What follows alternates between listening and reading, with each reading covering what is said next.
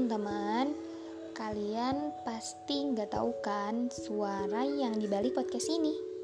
Yats, mari kita perkenalan.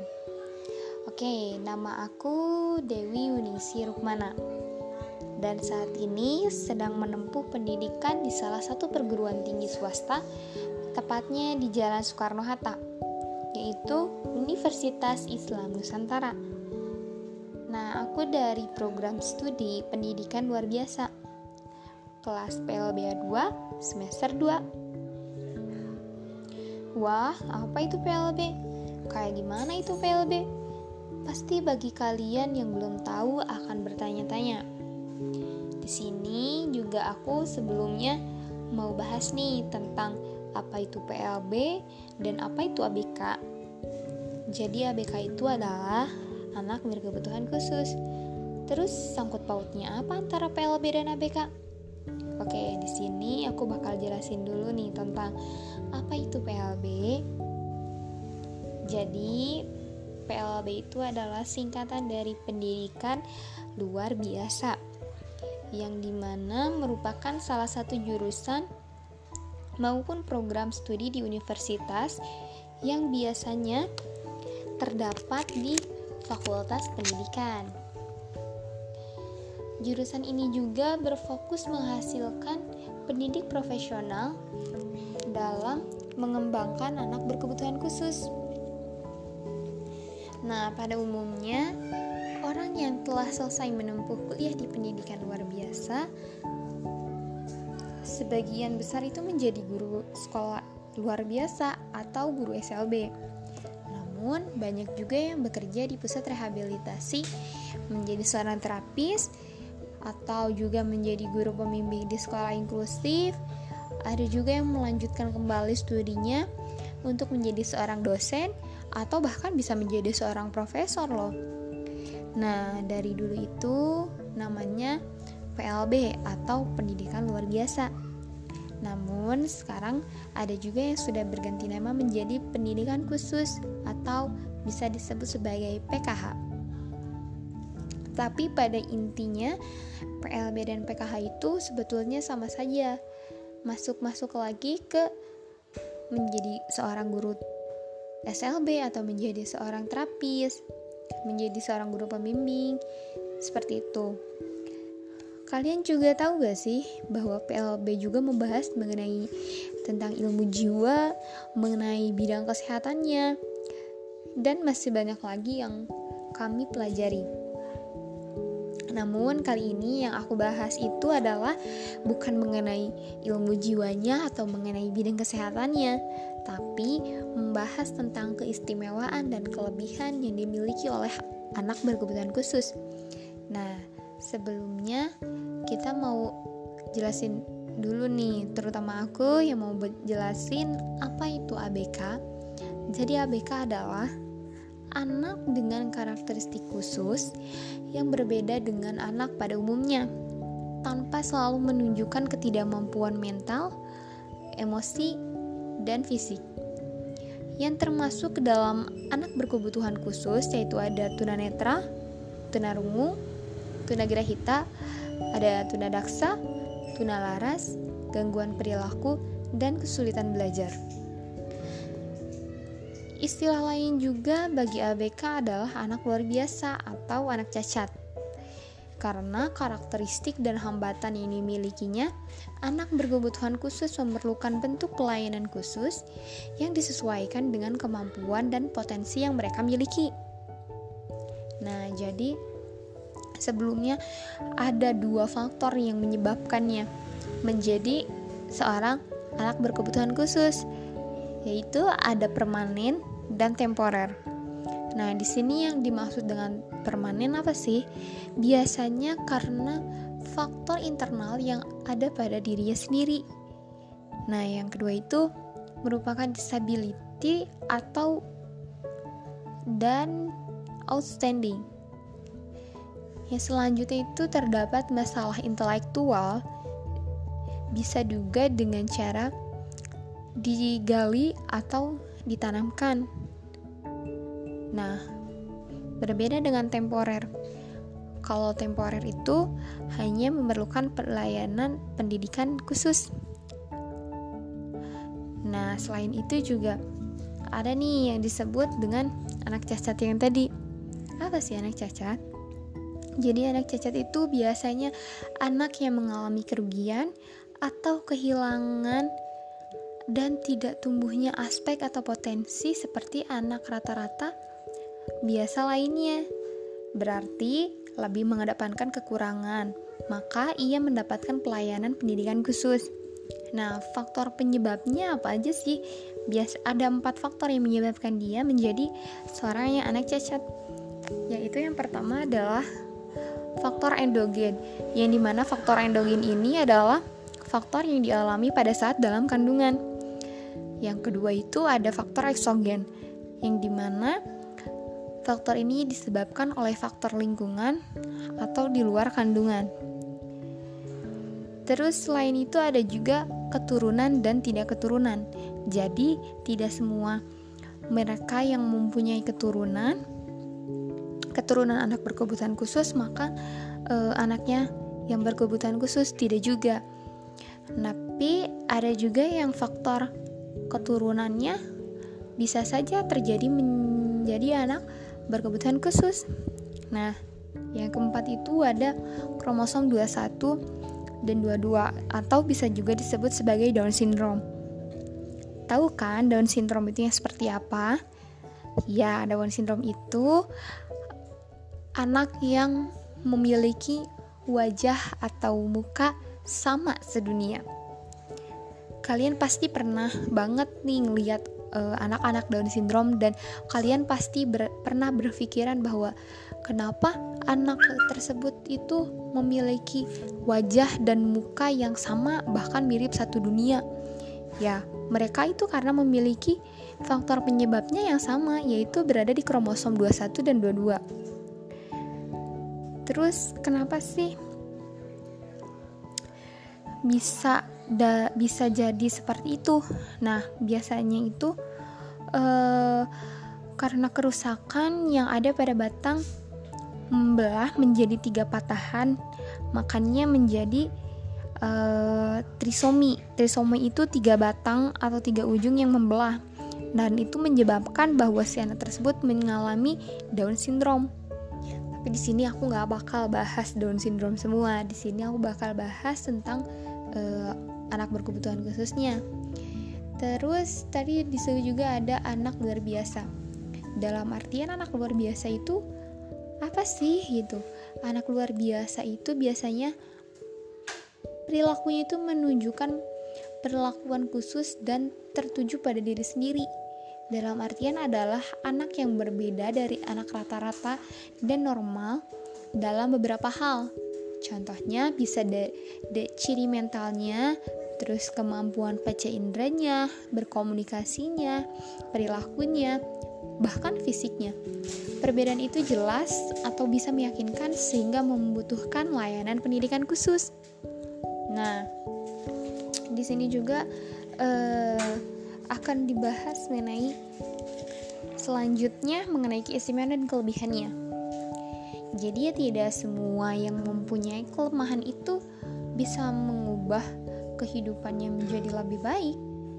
Justru mereka bisa loh mengubah bahkan yang mempunyai kelemahan sebanyak apa pun dia pasti bisa mengubahnya dalam merubah perilaku dan pola pikir yang mereka miliki dengan tentunya dengan arahan daripada gurunya atau daripada dosennya. Banyak yang kita jumpai kok justru anak berkebutuhan khusus itu memiliki segudang prestasi jika dibandingkan dengan anak normal lainnya. Kenapa? Karena mereka memiliki semangat tinggi serta kerja keras yang membuat anak berkebutuhan khusus tersebut mampu menjadi orang yang sukses dengan karya-karya yang membanggakan. Jadi keterbatasan fisik ternyata mampu mengantarkan dirinya dengan bermain musik contohnya atau menjadi pengrajin yang handal atau menjadi seniman bahkan bisa menjadi seorang pengusaha sukses loh. Tak jarang banget banget banyak sekali anak berkebutuhan khusus yang menjadi seseorang sukses dan membanggakan bagi orang tuanya. Betapa luar biasanya kan kepribadian mereka yang meskipun mereka memiliki keterbatasan, namun mereka mampu membuktikan dirinya kepada kepada orang tuanya dan juga dia bisa mampu membuktikan kepada di mata dunia. Hal ini bisa dicontohkan dengan banyaknya tokoh dunia yang berkebutuhan khusus. Salah satunya yaitu Matt Savage. Dia adalah seorang musisi jazz profesional yang sangat terkenal dan sangat handal sekali dalam memainkan uh, musik jazz. Terus salah satunya ada juga yang dari Indonesia. Banyak sekali anak berkebutuhan khusus di Indonesia yang telah menorehkan prestasi di segudang uh, di segudang olahraga, di di segudang bermain musik atau uh, lainnya. Banyak sekali. Nah, salah satunya yaitu saya tahu dan aku kenal sekali dengan Kak Evrita, Kak Fani Evrita.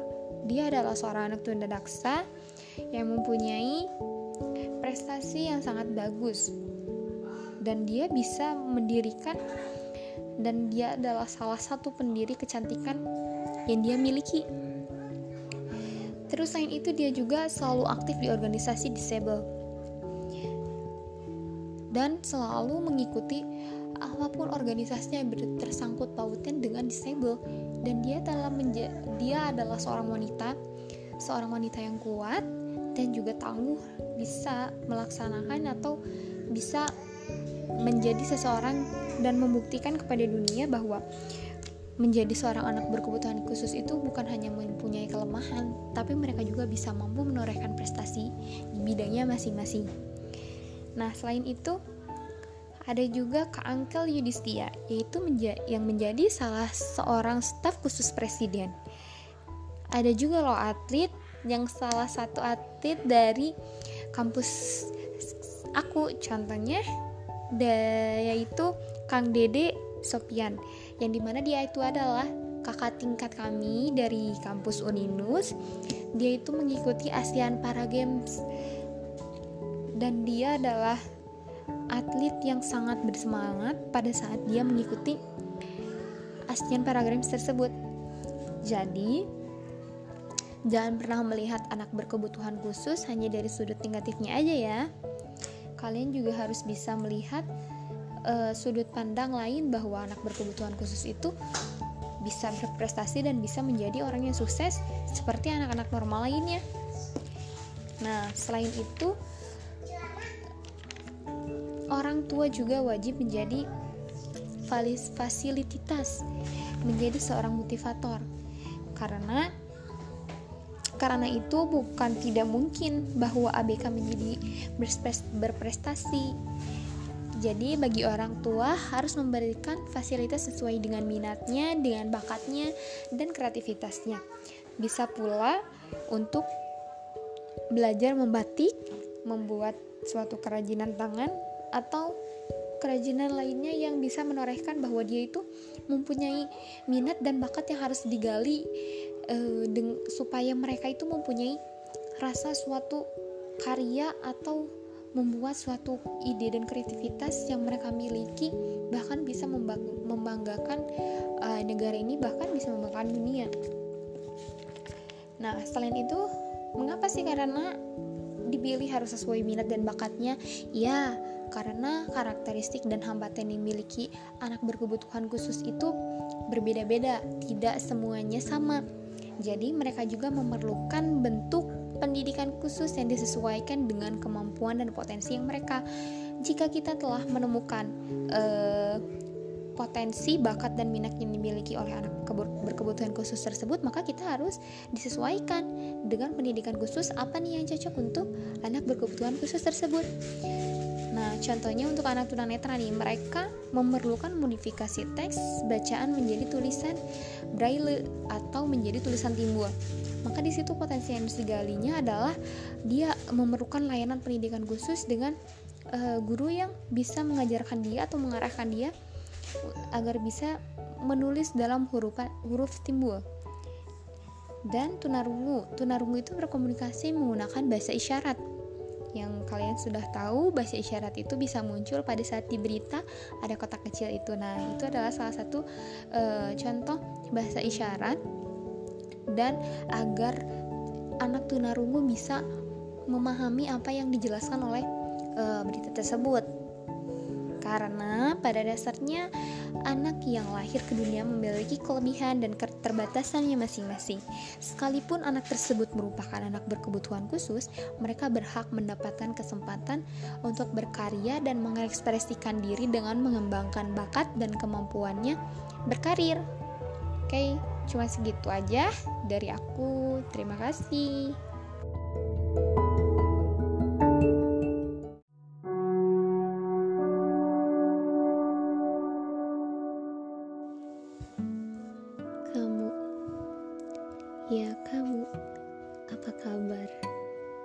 Yang telah lama tidak berjumpa, tapi selalu teringat.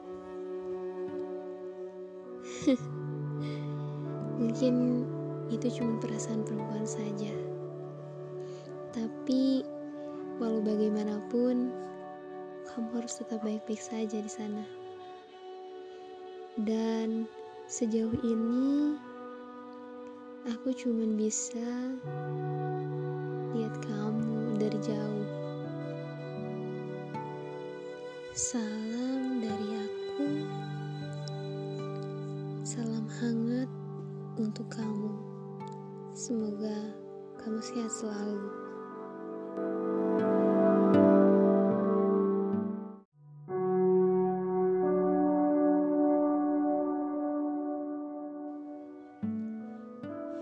Aku capek. Coba lihat dirimu. Dirimu yang selalu ingin dimengerti tanpa pernah mau menghargai. Semakin lama aku capek. Bukan berarti aku menyerah. Tapi kamu selalu menyuruhku untuk menyerah. Kini terserah padamu apa maumu aku berhenti sampai di sini. Terima kasih, kamu udah bisa menjadi orang yang selalu ada, dan juga kamu telah menjadikan aku menjadi seseorang yang bahkan bisa jauh lebih kuat dari sebelumnya. Terima kasih, berkat kamu aku selalu belajar menjadi orang yang terkuat di dunia.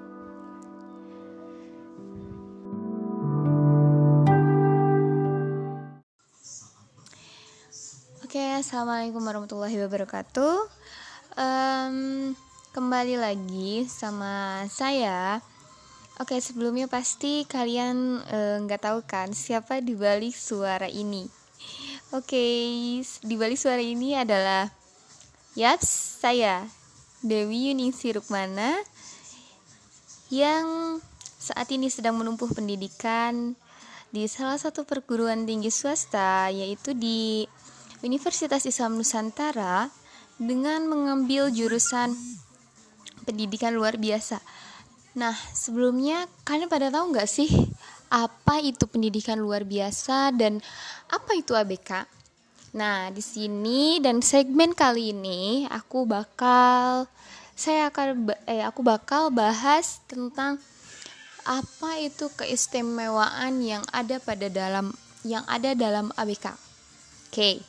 Yang pertama hmm, Oke, okay, aku, aku akan jelasin dulu bahwa eh, PLB itu singkatan dari apa sih gitu kan ya? Pasti kalian tuh selalu bertanya-tanya, apa sih PLB? Kalian yang bagi orang-orang asing yang belum mengenal PLB itu kalian bisa dengar podcast aku. PLB itu adalah singkatan dari pendidikan luar biasa. Nah, biasanya kita itu mencangkup untuk um, berdedikasi sebagai seorang guru. Tapi nggak harus seorang guru juga. Kita di situ bisa bekerja sebagai, um, contohnya di, di psikolog anak atau dari apa pun itu betul-betul Oke, okay, di sini aku uh, jelasin dulu PLB ya. Pendidikan luar biasa dan ABK. ABK itu anak berkebutuhan khusus. Nah, pasti kalian udah udah pernah lihat dan udah pernah uh, menemui anak-anak ABK, tapi kalian sendiri gak tahu apa itu ABK, apa itu pendidikan luar biasa, dan apa itu sangkut pautnya dengan ABK dan dengan pendidikan luar biasa. Nah, jadi pendidikan luar biasa itu bagi kalian dengerin yang asing, bagi kalian yang asing, pendidikan luar biasa itu adalah hmm, belajar untuk mengalahkan ego sendiri ternyata tidak mudah. Tapi seiring berjalannya waktu, maka akan terbiasa untuk mengalah dan lebih memilih diam dibandingkan banyak berbicara. Mengapa demikian? Karena kami lelah kalau kami harus terus berdebat tentang kamu dengan ego kamu sendiri dan tentang aku dengan ego aku sendiri. Tapi di situ kami belajar buat mengalahkan ego. Ternyata mengalahkan ego itu tidak mudah. Apalagi bagi kami yang baru-baru menjalankan hubungan. Dan itu sangat sakit ketika kami harus mengalahkan ego sendiri di saat dia tidak mau mengalah dan maunya menang sendiri, tapi di sini ada aku yang harus mengalah pada setiap part, pada setiap episode, pada saat setiap berantem yang sering kami lakukan. Harus ada yang mengalah satu sama lain. Di situ, aku sendiri mulai belajar apa dari mengalahkan ego dan apa dari arti diam dibanding banyak berbicara dan apa itu arti dari lebih mengutamakan perasaan dan menjaganya serta menurunkan ego. Mungkin ini sangat berat. Berat sekali. Kenapa? Karena pada saat kita marah, pada saat kita kesal, pada saat kita tidak karuan dan inginnya marah-marah, tapi dia sendiri tidak mau mengalahkan egonya. Maka di situ saya juga harus belajar untuk mengalahkan ego yang saya miliki. Mungkin banyak kejutan yang tidak terduga dari mengalahkan ego diri sendiri dan itu mungkin juga termasuk dari salah satu simulasi dari sabar apa arti sabar sebenarnya dan apa dari apa arti dari mengalahkan atau menurunkan ego sendiri Halo teman-teman, kalian Pasti nggak tahu kan suara yang ada di podcast ini. Yaps, mari kita perkenalan. Oke, nama aku Dewi Yunisi Rukmana. Dan saat ini sedang menempuh pendidikan di salah satu perguruan tinggi swasta, tepatnya di Jalan Soekarno-Hatta, yaitu Universitas Islam Nusantara. Nah, aku dari program studi pendidikan luar biasa. Wah, apa tuh PLB? Kayak gimana tuh PLB? Pasti kalian yang belum tahu pasti bertanya-tanya. Di sini juga sebelumnya aku mau bahas nih tentang apa itu PLB dan apa itu ABK. Yaps, ABK itu adalah anak berkebutuhan khusus. Terus sangkut pautnya apa sih antara PLB dan ABK? Oke, di sini aku bakal jelasin dulu nih tentang apa itu PLB. Nah, jadi PLB itu adalah singkatan dari pendidikan luar biasa, yang di mana merupakan salah satu jurusan maupun program studi di universitas yang biasanya masuk dalam fakultas pendidikan. Nah, biasanya jurusan ini juga berfokus sama e, menghasilkan pendidik yang profesional dalam mengembangkan anak berkebutuhan khusus. Nah, biasanya nih ya, eh, orang-orang yang umumnya udah selesai menempuh kuliah di pendidikan luar biasa atau PLB yang sedang uh, saya ampuh terutama sebagian besar itu menjadi guru SLB. Tapi gak banyak juga sih yang bekerja jadi guru SLB, tapi ada juga yang bekerja di pusat rehabilitasi, menjadi terapis, terus menjadi guru pembimbing di sekolah inklusif, terus ada juga yang melanjutkan kembali studinya untuk menjadi dosen di salah satu perguruan tinggi. Nah, dulu itu namanya PLB, tapi sekarang ada juga yang udah berganti nama jadi pendidikan khusus tapi di kampus kami namanya masih tetap PLB atau pendidikan luar biasa. Tapi itu sama aja kok, PLB atau PKH itu sama-sama aja menjurusnya menjadi guru SLB atau yang tadi udah aku jelasin. Kalian juga tahu gak sih bahwa PLB juga membahas mengenai tentang jiwa? Terus eh, banyak juga yang membahas tentang psikolog. Tapi kali ini yang aku bahas adalah keistimewaan dan kelebihan ABK.